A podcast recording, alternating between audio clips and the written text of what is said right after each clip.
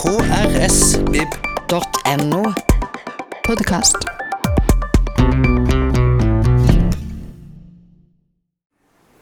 Det er sikkert flere her som kjenner til Cavino, men han var altså en um, italiensk forfatter som ble født i 1923 og døde i 85. Han ble altså noe sånn som 62 år gammel. Uh, han skrev masse romaner og essays og disse kortformene. Um, han var faktisk også den første som samla italienske folkeeventyr. Det var en jobb som ikke var blitt gjort i Italia på samme måte som i, i Norge, i hvert fall, med Asbjørnsen og Moe. Under andre verdenskrig så må bare ha litt biografisk bakgrunn for å prøve å forstå litt mer av hva vi, hva vi leser. Under andre verdenskrig så ble han medlem av motstandsbevegelsen. Han ble senere kommunist. Uh, han har en sånn betent historie med kommunistpartiet i Italia. Etter krigen så ble han boende i Torino, der han bl.a. jobba for det italienske storforlaget Einaudi som forlegger eller som redaktør. Um, jeg husker ikke nøyaktig når han debuterte, men det var sannsynligvis en gang på 47 eller noe sånt. Slutten av 40-tallet, med en roman. Uh, han har skrevet masse bøker. Det er et veldig bredt forfatterskap. Um, vanligvis så deler man det inn i to eller tre faser. Man sier at han begynte som en slags tradisjonell, mer, mer, mer eller mindre realistisk forfatter, og at han etter hvert beveger seg over i det fantastiske og det komiske særlig, som vi skal komme inn på. Et viktig skifte i så måte er at han på begynnelsen av 60-tallet begynte å reise veldig mye til Paris. Han flytta også til Paris og bosatte seg der en stund. Og Der ble han veldig influert av franske forfattere og intellektuelle. Og særlig av den avantgardegruppa som heter Olipo, som jeg skal komme litt inn på seinere. Som hvis man oversetter setter det sånn ordrett, det er en forkortelse for verksted for potensiell litteratur, men også mer prosaisk systue for potensiell litteratur. Uh, ja. Det har også vært vanlig å skille mellom den realistiske, litt um, tunge, grå, tidlige Calvino og den senere fantastiske.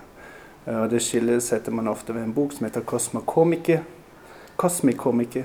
som kom i 1965 som ligner veldig mye på denne. Er derfor jeg nevner den. Det er en liten bok som består av masse korttekster som beskriver eh, fenomener og steder, planeter, meteoritter i det ytre rom. Um, men den har litt samme strukturen. Det er masse små tekster som er liksom strukturert over et trangt, trangt register.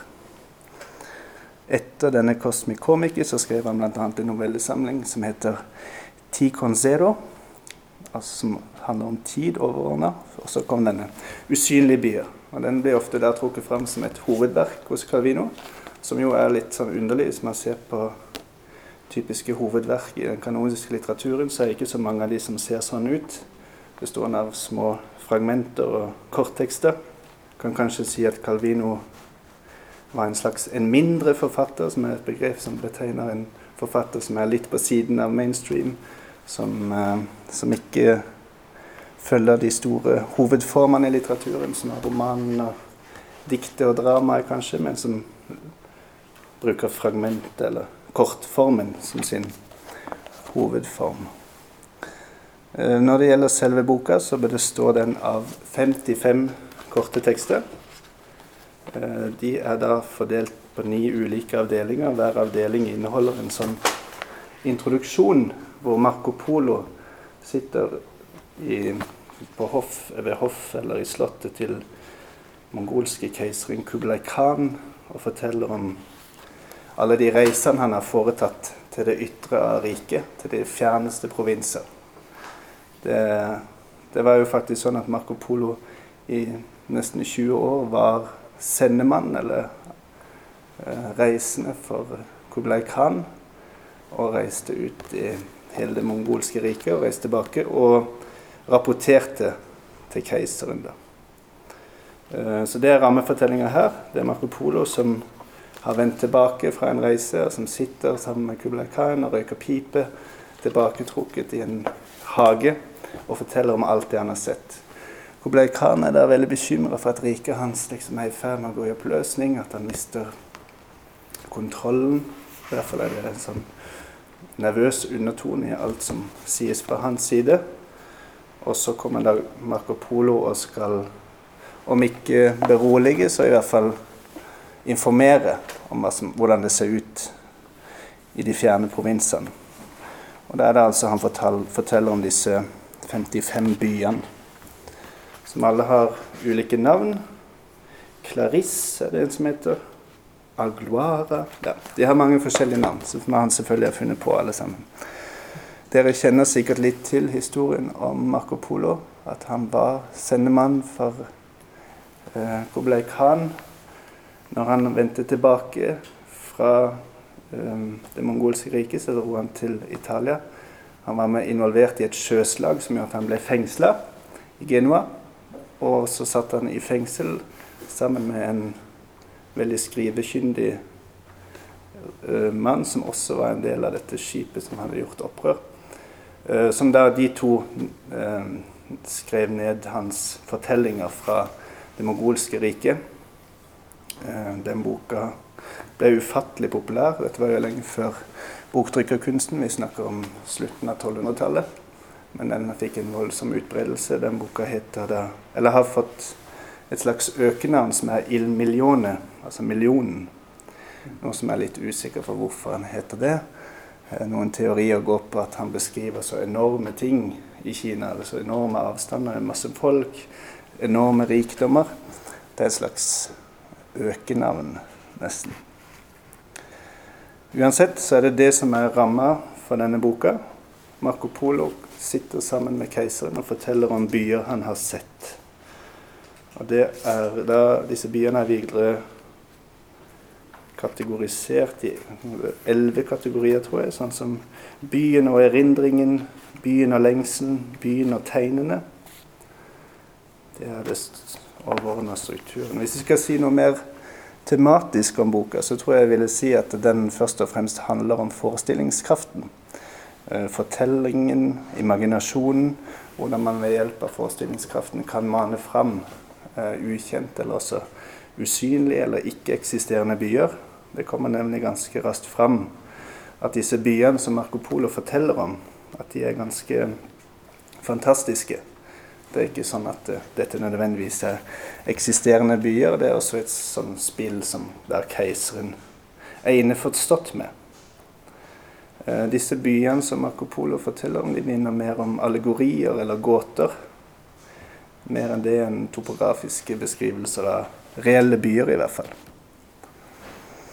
Um, nå er det jo sånn at um, gåten eller allegorien kan man kanskje tenke som noe sånn abstrakt og utilgjengelig på et vis. Det som er morsomt med Calvino, som han også har teoretisert over i en annen bok, som jeg skal komme inn på her, uh, det er uh, viktigheten av å være nøyaktig. Altså selv i de mest abstrakte kosmikomike, eh, de kosmiske komikkene som handler om uendelighetsforestillinger eh, eller ja, uendelig rom eller uendelig tid, så serverer han en sånn utrolig flott detalj som gjør at uh, disse store overordna strukturene blir, om ikke uh, forståelige, så blir de i hvert fall synlige for, for øyet, og dermed også litt komiske. Ehm, det gjør han også her. Det er en slags topografi over innbilte byer som han eh, beskriver. Disse topografiene er veldig konkrete. Veldig små, fine detaljer som gjør at de plutselig står framfor deg som noe nærværende. Som jeg tror kjennetegner egentlig alt jeg har lest av han. At det er en veldig evne til å konkretisere den, det miljøet han forteller fra i, i den bitte, bitte lille detaljen. Heller det enn bøker eller Prost eller Joyce hvor man skal utbrodere i det uendelige og pensle og male alle detaljer, så er det hos Calvino den, virkelig den talende detaljen som, som bærer hele fortellinga. Um, Han har, eh, som, som, jeg sa i sted, teoretisert litt over dette i en bok som også er oversatt til norsk, som heter 'Amerikanske forelesninger'. Som er en helt utrolig flott essaysamling om, om litteratur. da. Um, hvor han identifiserer fem litterære dyder. Uh, hvordan den første er letthet, den andre er hurtighet, den tredje er nøyaktighet, så er det synlighet og mangfold. Eh, jeg tror at alle disse um, dydene kan gjenfinnes her. Eh, kan, altså jeg tenker i hvert fall, Dette er en bok han skrev 10-12 år etter denne. Det er en slags betenkning over hans egen forfatterskap, hva han mener om den litterære tradisjonen han sjøl står i, som han ofte eh, ser på som en italiensk tradisjon, som går tilbake til eh, Boccaccio, til novellen, til eh, Cavalcanti. Han nevner en del italienske forfattere som han uh, da åpenbart er inspirert av. Uh, jeg nevnte jo også dette med de italienske folkeeventyrene, som, som, jo alltid har selvfølgelig også dette både komiske og um, fantastiske i seg. Uh, den narrative strukturen som jeg har nevnt så vidt, at Marco Polo sitter og snakker med keiseren. Den kan også minne om Dekameronen, som er Boccaccios store verk fra 1200-tallet. Som egentlig er den boka som skaper novellesjangeren, i hvert fall i den formen som vi tenker det nå. I Dekameronen så er det syv-åtte personer som har trukket seg tilbake fra Firenze, for det er det pesten som herjer. Så har de trukket seg tilbake på et gods, og så sitter de og forteller historier til hverandre. For, både for å få tida til å gå og for å ta vare på hverandre. Uh, og det er veldig sånn komisk, uh, litt grove harselas med presteskapet, med adelen. Uh, veldig mye sånn kroppslig humor der. De er veldig, veldig morsomme fortellinger som jeg tenker at Calvino har henta mye fra sjøl. Um, Blant annet kanskje denne strukturen der med disse som sitter og snakker om en verden i forfall. Jeg nevnte så vidt denne dyden letthet, som jeg tror er veldig kjennetegnende for boka. Hans eksempel er nettopp fra Dekameronen, hvor, hvor eh, Boccaccio forteller om poeten Cavalcanti som går rundt på en kirkegård. Og han sånn, en grubler som går rundt. Og så ser han i det fjerne så ser han et sånn følge av um, veldig alvorstynga unge mennesker som, skal, som er interessert i å snakke med han og trekke, deres, trekke han inn i deres grublerier. Men det er Cavalcanti overhodet ikke interessert i. Så når han ser at han møter de, så parerer han bare med et par linjer, og så hopper han over en sånn uh, marmorstøtte. Og over på den andre siden og det ordet som Boccaccio bruker der, er 'leggerissimo', eller noe sånt. Det er altså ordet for den ytterste letthet. Og det, det tar Calvino der som en litterær dyd.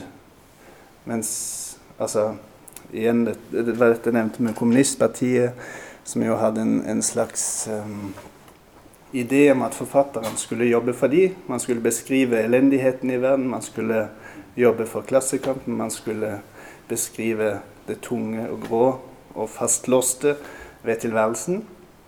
Eh, Carvino var på den linjen kanskje en stund, men så gjorde han et sprang da, à la Cavalcanti og hoppa over det. Han ville ikke det lenger. Han ville skrive disse um, lette fortellingene, um, som jo for meg virker fornuftige. Men det, det, var også et slags uh, moralsk prosjekt, sånn som jeg har tolka det i hvert fall. At man skulle bort ifra denne veldig fastlåste Det er et slags frigjøringsprosjekt med denne lette prosaen til Calvino. Um, frigjøre tanken, i hvert fall. Uh, ikke la seg fange. Uh, jeg tror at man kanskje kunne tilføye ordet 'flukt' i, i disse eller, Jeg tror det går gjennom her som konsept. At flukten, lettheten, hurtigheten er det han et, både etterstreber og anerkjenner hos andre. Jeg kan si litt mer om dette skiftet fra det tunge til det lette, hvis vi skal holde oss på det. Dette spranget han gjorde. Jeg sa at han flyttet, eller begynte å bosette seg mer og mer i Paris fra begynnelsen av 60-tallet. Jeg nevnte denne gruppa Olipo, verkstedet eller systuen for potensiell litteratur. Det er altså en slags avantgarde-gruppering som ble stifta av en ingeniør og en forfatter, Raymond Cunot, ingeniøren Francois de Lyonnais, i 1960. Og det er en gruppe som samler stort sett matematikere og forfattere som jobber sammen om å lage matriser eller strukturer for en potensiell litteratur. Hva er så en potensiell litteratur? Det overordnede her dreier seg om å lage muligheter for et uendelig antall av fortellinger. Standardverket i Olipo er Kunos diktbok 100 000 milliarder dikt. Som er en tilsynelatende en vanlig sonettesamling, men der alle eh, diktradene er klippet ut, sånn at de kan kombineres. Hvis du har en sonettesamling med jeg husker ikke hvor mange det er, kanskje 10 eller 20 sonetter, og tolv linjer, så er det en ufattelig kombinatorikk som man kan lage dikt ut av. Uh, som da Falkenor rundt regna endte opp med 100 000 milliarder potensielle dikt i denne boka. Uh, det er ikke alle de som er like morsomme, de diktene kanskje, men det er i hvert fall ideen om at man kan lage en kombi, kombinatorikk. Uh, nå ble jo ikke Calvino medlem av Olipo før året etter han skrev denne boka. Men eh, det er veldig vanlig å si at det er en affinitet mellom de.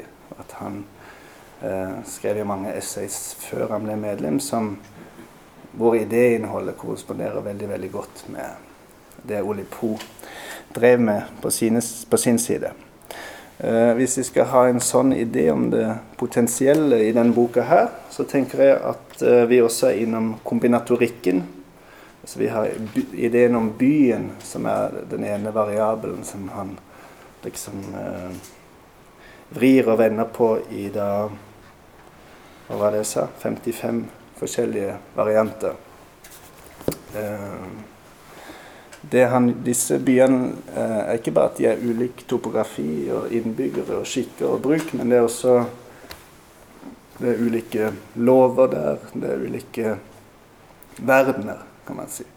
Det er ulike Man kan kanskje til og med si at det er ulike kosmos, eller det, det er et slags mikrokosmos. Um, og sånn som jeg ser det, så er han bare så vidt innom dette med den talende detaljen. Så beskriver han dette kosmos på noen bitte få linjer, og så går han videre til neste. Altså De er kanskje på en side, halvannen, disse tekstene. Um, men ut ifra den lille detaljen så får man et inntrykk av um, hvordan disse byene er organisert, hva slags lover, altså både fysiske uh, og juridiske, kanskje metafysiske lover, som, som, hersker der. Og så kan man der forestille seg uendelig antall um, historier som er spunnet ut av dette rammeverket. Uh, det er en amerikansk filosof som heter Nelson Goodman, som har et begrep som han kaller for worldmaking, eller verdensbygging eller verdensdannelse. Og han ser på litteraturen som kanskje det fremste stedet hvor det skjer. At man har et sett med lover eh, som handlingen utspiller seg i henhold til. Og beskrivelsen av disse lovene gjennom beskrivelse av handling og sånn, det er den verdensdannelsen som foregår i litteraturen. Uh, og her er det altså skrudd ned til en tilsynelatende enkel konstant, som er byen.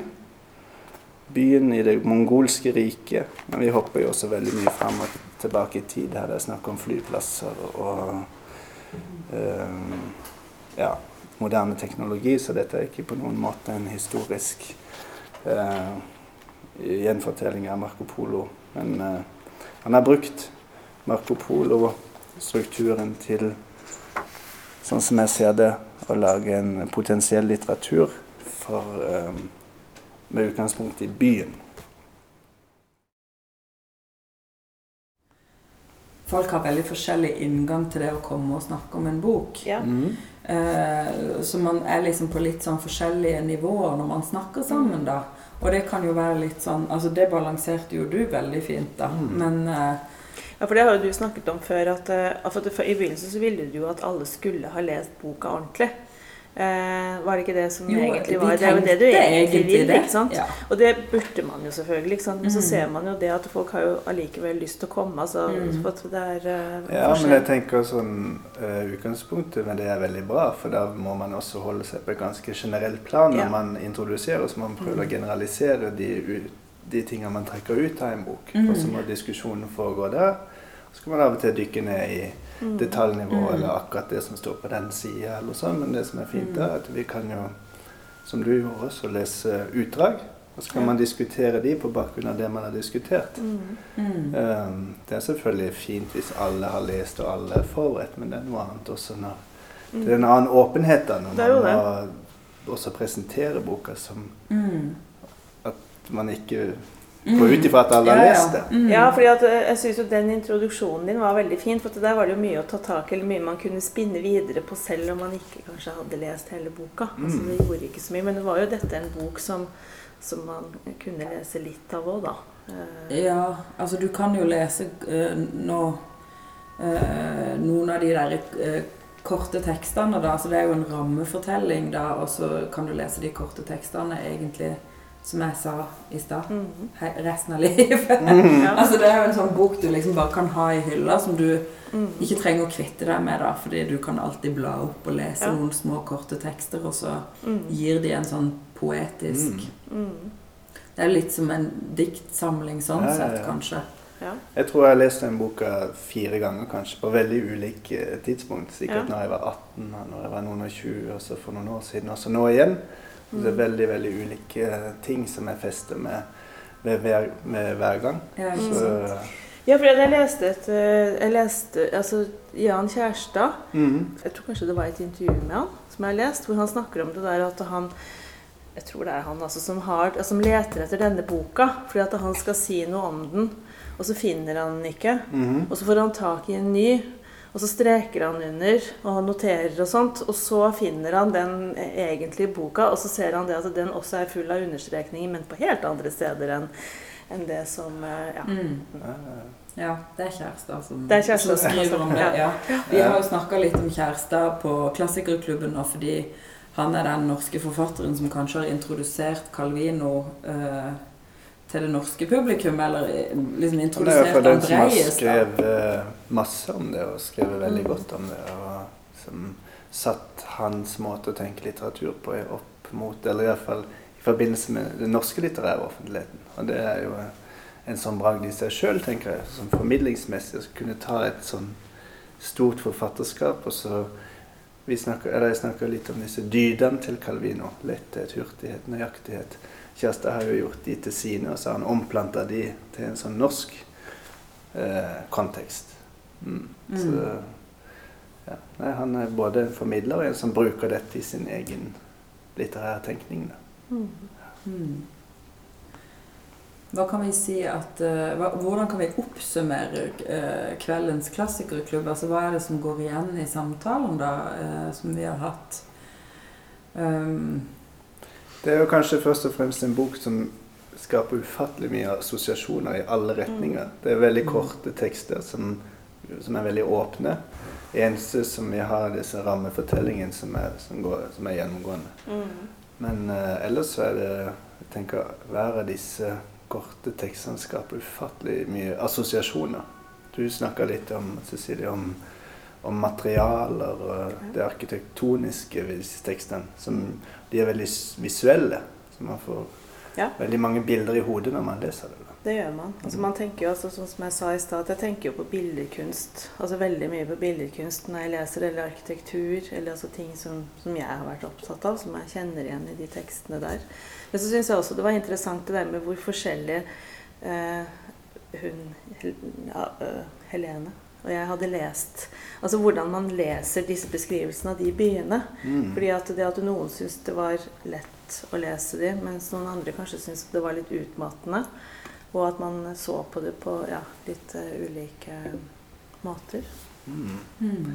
Tungt og lett. Ja, jo, men det er jo en sånn veldig gjentagelse der. For Ja. det er, en- ok, nå skal vi beskrive den byen, som hadde et navn som er omtrent det samme som den forrige byen. Da er det litt andre skikker, litt andre regler som gjelder der. Men det, det er jo veldig mye repetisjon eh, i, i den boka. Det er 55 tekster som er skodd over samme listen, liksom. Ja. Mm. Men det er, jo en, sånn- det er jo en konseptuell roman. Mm. Hvis man kan Det kalle det en roman, da, så er det en Ja, jeg Det er- tror den altså, blir ofte kalt Ja, det er fordi man bare må ha en sånn Ja.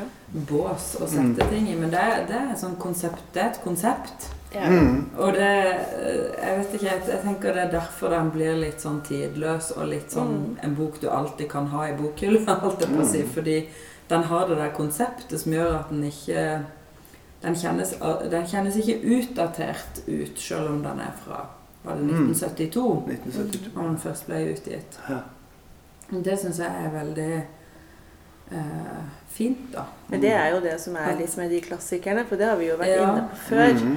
Altså Da vi leste den Mary Wollstonecraft, så fikk vi, den var jo skrevet på 1700-tallet. Ja. Og da fikk vi også sånn følelsen at den Altså jeg fikk veldig følelsen at dette er jo nå, Mm. Ja. nærmest. Det var mange tanker eller Ja. mange formuleringer der som kjentes veldig moderne. Ja. Mm. Men samtidig så vet du når du leser en sånn Sånn som den romanen vi skal lese seinere i vår, da 'Middlemarch', altså da føler man når man leser en sånn type roman at det er en sånn historisk Altså at du liksom fordyper deg i et eller annet for tidig på et vis. da, Mm. Mens dette her er det konseptet til Calvino Mm. gjør liksom at det kjennes litt sånn tidløst ut. Mm. Men veldig moderne, da. Mhm.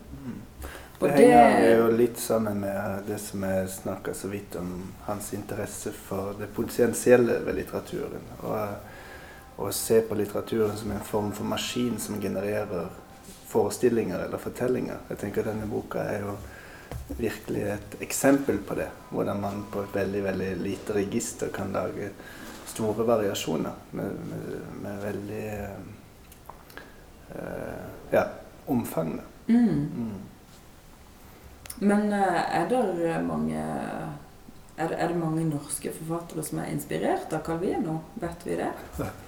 Er, har han liksom hatt en på, altså Jan Kjærstad skriver Ja. i essayet sitt om usynlige byer at Calvino har liksom hatt en, en posisjon av betydning, og så har han på en måte forsvunnet litt ut, i likhet Mhm. med sånn som Milan Kundera skriver. ja, ikke sant? Han Altså, skriver det han sammenligner. Ja, nei, Han sammenligner det ikke, men han sammenligner posisjonen de har hatt i norsk Mm. Ja. Offentlighet. At de har liksom hatt en posisjon, og så har folk glemt uh, de litt. Ja, for jeg husker jo han her veldig, altså fra 80-90-tallet. Eh, Men så har jeg jo ikke tenkt så mye mer på han. Men jeg innbiller meg at det er en del billedkunstnere som er eh, inspirert. Og mange arkitekter. Mange, helt sikkert mange arkitekter. Ja, ja. Jeg vet det åpna jo et sånn museum i Tour i Frankrike for ett eller to år siden. Ja. Og det var flere norske billedkunstnere Ja. som var med. Og i liksom kuratorstatementet der så, så var det noe knyttet til Calvino og hans essay om det. Kan jeg godt tenke meg. Ja. Så Ja, for mange av de dydene der er jo også gjenkjennelige. Ikke sant? Mm. Altså den der lettheten særlig, og det fragmenterte som vi også, eller som jeg snakka om i stad. At det er jo eh, jeg tror hele den måten å tenke konseptuelt Det rundt litteratur Ja. er veldig forståelig innenfor en billedkunstkontekst, og kanskje mindre ut ifra en sånn Mm. eh, Middlemarch-kontekst, hvor Ja. man skal dykke inn i et sånn fortidig univers og så Mm. være der inne. Som Mm. jo også er fantastisk for alle. del, men det er Mm. bare to veldig ulike måter å tenke rundt litteratur på, som også Calvino selvfølgelig var veldig veldig oppmerksom på. Mm. Det var derfor han søkte seg til disse randfenomenene, samtidig som han Mm. alltid tviholdt på den store episke og folkelitteraturen. eh, så- Men vet Ja. du hva slags forhold han hadde til litteratur og billedkunst? Har du Nei, jeg, jeg kjenner ikke til Nei. noe sånn um, Altså, litteratur vet jeg jo masse om, fordi han Nei, jeg tenkte på arkitektur og billedkunst. Ja, sånn. Uh, ja, nei det, det, Han har ikke skrevet så mye om Altså ikke som jeg har lest, i hvert fall, så kan jeg ikke huske å ha lest det. Vi kan jo si det at hvis noen som hører på, hører en fløytelyd i bakgrunnen av opptaket, så er det fordi vi sitter i kunsthallen, Mm. hvor det akkurat nå også er en utstilling som eh, kanskje tematiserer en inspirasjon av, fra usynlige byer? Eller? Ja, jo, altså det er en utstilling hvor det, hvor det det stiller ut noen sånne paviljonger i papp som Jonas Høgli Major har tegna og lagd. Og eh, som jeg har kuratert en utstilling sammen med Jan Frøyken. Og da vi skulle åpne den, så, så, ble vi bedt om alle sammen som er involvert, om å nevne noen bøker som vi holdt høyt. Og Jonas, arkitekten, nevnte da denne usynlige byen som en inspirasjonskilde. Det, det, gir jo mening når man går rundt mening. og ser på disse paviljongene som ja. svever over bakken, som mm. mimer klassiske former med pantheon og krysshvelvet. Men også med fremtidsvisjoner og mm. utopier. Ja, ja. Mm. Så uh, de er på mange måter Ja, de ligner, da. Mm. Det er en liten bit av Calvino legemliggjort i kunsthallen her og nå. I papp, faktisk. Ja. det er morsomt. Um, du holdt jo en veldig uh, grundig introduksjon um, av Calvino, Sigurd. Mm. Er, det, er, dette din uh, favorittforfatter, eller er det en Ja, han er i hvert fall vært, vært en, av det, en av mine favorittforfattere lenge. Uh, det er ikke en som når, når, jeg leste det igjen nå, så var det sikkert et par år siden jeg hadde vært borte. Det kom en sånn brevsamling som jeg så vidt nevnte, som var det siste jeg leste. Men det er også kommet nye norske oversettelser bare de siste årene. Uh, så han er jo absolutt en forfatter som, som lever, sånn sett. da. Um, nei, altså Han er bare en forfatter som for meg opptar en sånn klar og tydelig kanonisk plass. Han mm. har liksom lagd et litterært prosjekt som hører til den store eh, avantgardetradisjonen i det 20. århundre. Så eh, på lik linje med Purek eller med Cuno, som jeg også snakker om. Veldig eh, konseptuelle forfattere som har et helt klart prosjekt som man kan vende tilbake til og vende tilbake til. Og ja Sånn sett så er det jo alltid inspirerende. Mm. Men er det sånn at det dukker opp nye ting? Altså Du sa du hadde kjøpt mm. sånne brev og ja. Er det sånn det dukker opp Er det, så, er det sånne Calvino-entusiaster som driver og forvalter boet hans, ja, f.eks.? Det, det kjenner jeg ikke til. Dette var jo en amerikansk utgivelse, så jeg vet ikke om det var basert på et nytt utvalg av brev på italiensk, sannsynligvis. Mm.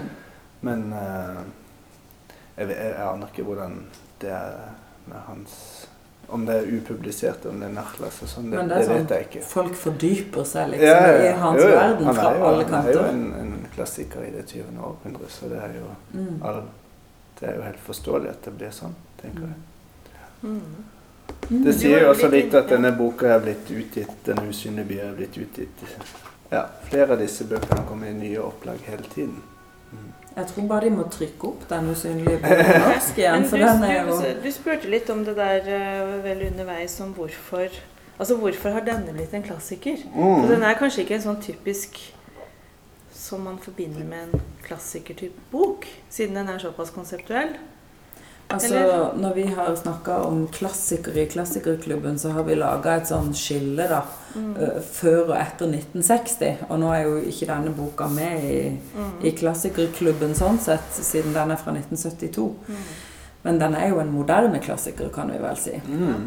Og så, um, var det gøy å ha en bok som var valgt ut av en av kunstnerne i utstillinga her. Mm. Eh, men de moderne klassikerne er jo på en måte mer kanskje eh, Altså, det er veldig lett å skjønne hvorfor et verk som 'Portrait of a Lady' av Henry James eller 'Middlemarch' av George Eliot eller Altså disse her store mm. romanene. Det er liksom så lett å mm. si klassiker, og det er det vi ser for oss når vi hører det begrepet, kanskje. Ja. Mens uh, den mer moderne litteraturen, så er det kanskje litt mer sånn Å! Liksom, altså Virginia Woolf er jo en klassiker. Det er noen som syns at hun er drittkjedelig, og så er det andre som syns hun er fantastisk. Så mm. det er kanskje mer sånn diskusjon da rundt uh, moderne litteratur og Det er også en helt annen stilling enn det du Henry James eller Woolf. Det er jo også et sånn monomedialt landskap hvor det er boken og det trykte ordet som er som det absolutt førende mediet. Når du kommer til Calvino, så er det TV, og det er uh, radio, det er gryende eh, datamaskiner. Mm. Eh, det, det inngår i en helt annen sånn eh, økonomi av uttrykk.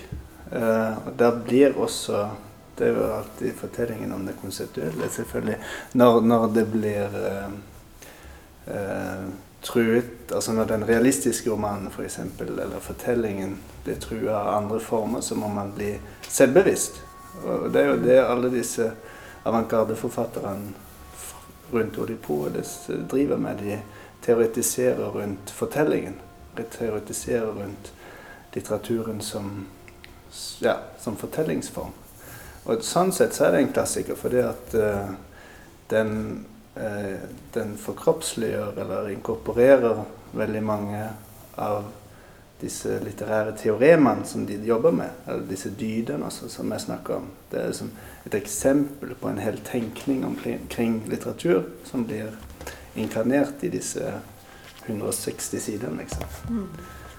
Uh, så det, det, tenker jeg kan være et innspill i hvordan man skal definere en klassiker i det litteraturen blir uryddig. Så det er liksom Mm. en eksemplarisk på et vis. da. Mm. Og så har jo Calvino også sjøl skrevet et essay som heter 'Why Read the Classics'. Som er ganske morsomt, men også har veldig mange sånne poengterte ideer da om hvorfor man skal lese klassikere. da. Man klarer jo ikke å komme på noen av de i farten, for nå ble det helt stille. Mm. Ja, nei, Du nevnte i sted det var noen sånne, også noen veldig sånn pragmatiske hensyn. At eh, jo, hvis du er et eller annet sted og noen lirer av seg noe, så, kan- så, Ja. kan, de, så kan du Ja, arrestere de, eller eh, Ja, eller det var Altså, det handler mye om sånn der eh, Det er ikke noe vits i å late som du har lest en roman bare for å delta i en sosial Mm. setting, liksom. Ja. For det ja, det der med at Altså, man sånn- skryter av at man har lest noe Ja. som man ikke har lest, bare for å passe inn i Ja, og, li, og litt sånn der at uh, alle de som har lest uh, Ulysses, liksom. Ja. Mm. Mm. Litt den eh, ja, Nei, jeg må, det må jeg finne fram igjen, altså. For det at eh, det Ja, jeg tror ikke jeg finner det på, på nett. Uh, det var veldig Det var veldig gøy. Mm. Jeg syns jo han er litt gøy. Ja, han er veldig morsom. Han er, det tror jeg går gjennom veldig mange av hans, hans essays også. At han også, som i bøkene, blander det liksom det tarvelige og hverdagslige med sånne store vyer på vegne av litteraturen eller på vegne av tenkninga. eller Mm. Det er jo Han er jo aldri en gravalvorlig eh, fyr som skal overbevise oss om noe. Han er en som presenterer ideer.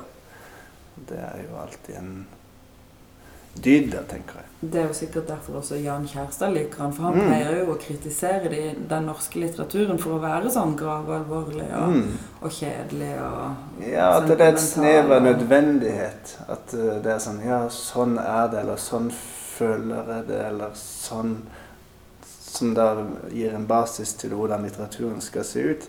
Mens hvis man leser omtaler av Calvino eller um, Burek eller de samme, så er det alltid ideen om at det er konstruert. Det er noe helt sånn villet. Ok, vi vil komme bort ifra denne nødvendigheten. Derfor må vi konstruere andre måter å fortelle på. Eh, som, som jo tross alt er regelen hvis man ser litteraturhistorisk på det. Så den ekspresjonistiske måten å tenke rundt eh, litteratur og kunst på, den er relativt ny i forhold til den eh, mer tenkte og konstruerte måten å fortelle på. hmm. Ja. Nei, men vi, vi diskuterte jo det litt eh, Jeg husker ikke hva som var inngangen. Men uh, det var hvorvidt dette var verdensfjernt eller ikke. Uh, så ble det sagt at ja, dette eh, verdensfjernt, for det beskriver ikke mennesker, det beskriver ikke den menneskelige verden. Men på den annen side så er det jo nettopp det det gjør. Det beskriver byene som de lever i, og byene som de utfolder sine liv i. Og det er en helt annen måte å tenke eh, livsnært om, som jeg tror står mer i den klassiske tradisjonen Mm. enn en i den, den ekspressive tradisjonen. Eh, Men det setter ikke Altså det er en litteratur hvor ikke men, Eller denne boka setter ikke mennesket i sentrum, på en måte, da, sånn som man kanskje Det er er, ikke sånn vant som det er at eh, tradisjonelt, hvor det er en forteller eller en hovedperson. Eller, det er jo de to, da, altså, som har denne samtalen. mm, Ja, men det er, jo, det er jo, som jeg nevnte også, det er jo små tilløp til sånne platonske dialoger her. Ja. Og jeg mener, det, det er noe helt annet enn den ekspressive, jeg-sentrerte fortelleren. Det er, det er en dialogform der man presenterer moralske fabler, som er også disse byene er. Hver eneste by er et slags moralsk paradoks. Eh, og det er jo en, en mye mer klassisk form, skal jeg bruke klassikerbegrepet, enn en, eh, den form for eh, ekspressiv eh, kunst- eller litteraturtenkning som vi forbinder med de siste 250 årene. Ja. Så det, det er mye mer eh, mainstream enn en, en, den form for eh, virkelighetslitteratur, eller hva man skal kalle det. eller. mm. Mm. Ja, så de som vil bort fra virkelighetslitteraturen, kan bare kaste seg over Calvino. Kaste seg over Ja, Calvino. ja. ja, ja, men det er jo interessant nettopp fordi at han var så Nå var selvfølgelig ikke virkelighetslitteraturen et begrep i hans tid, men realismen var i høyeste grad en, et begrep i hans tid.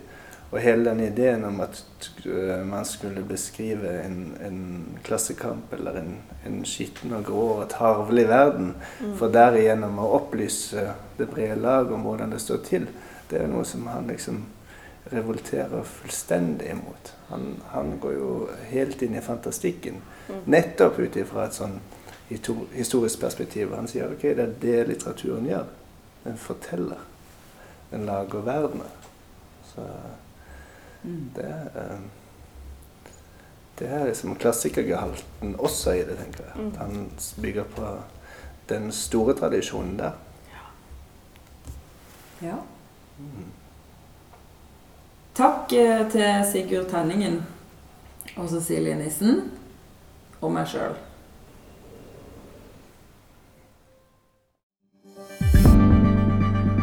Flere podkaster fra oss finner du på Google Podkast, Apple Podkast eller iTunes, eller ved å stikke innom vår hjemmeside på krsbib.no.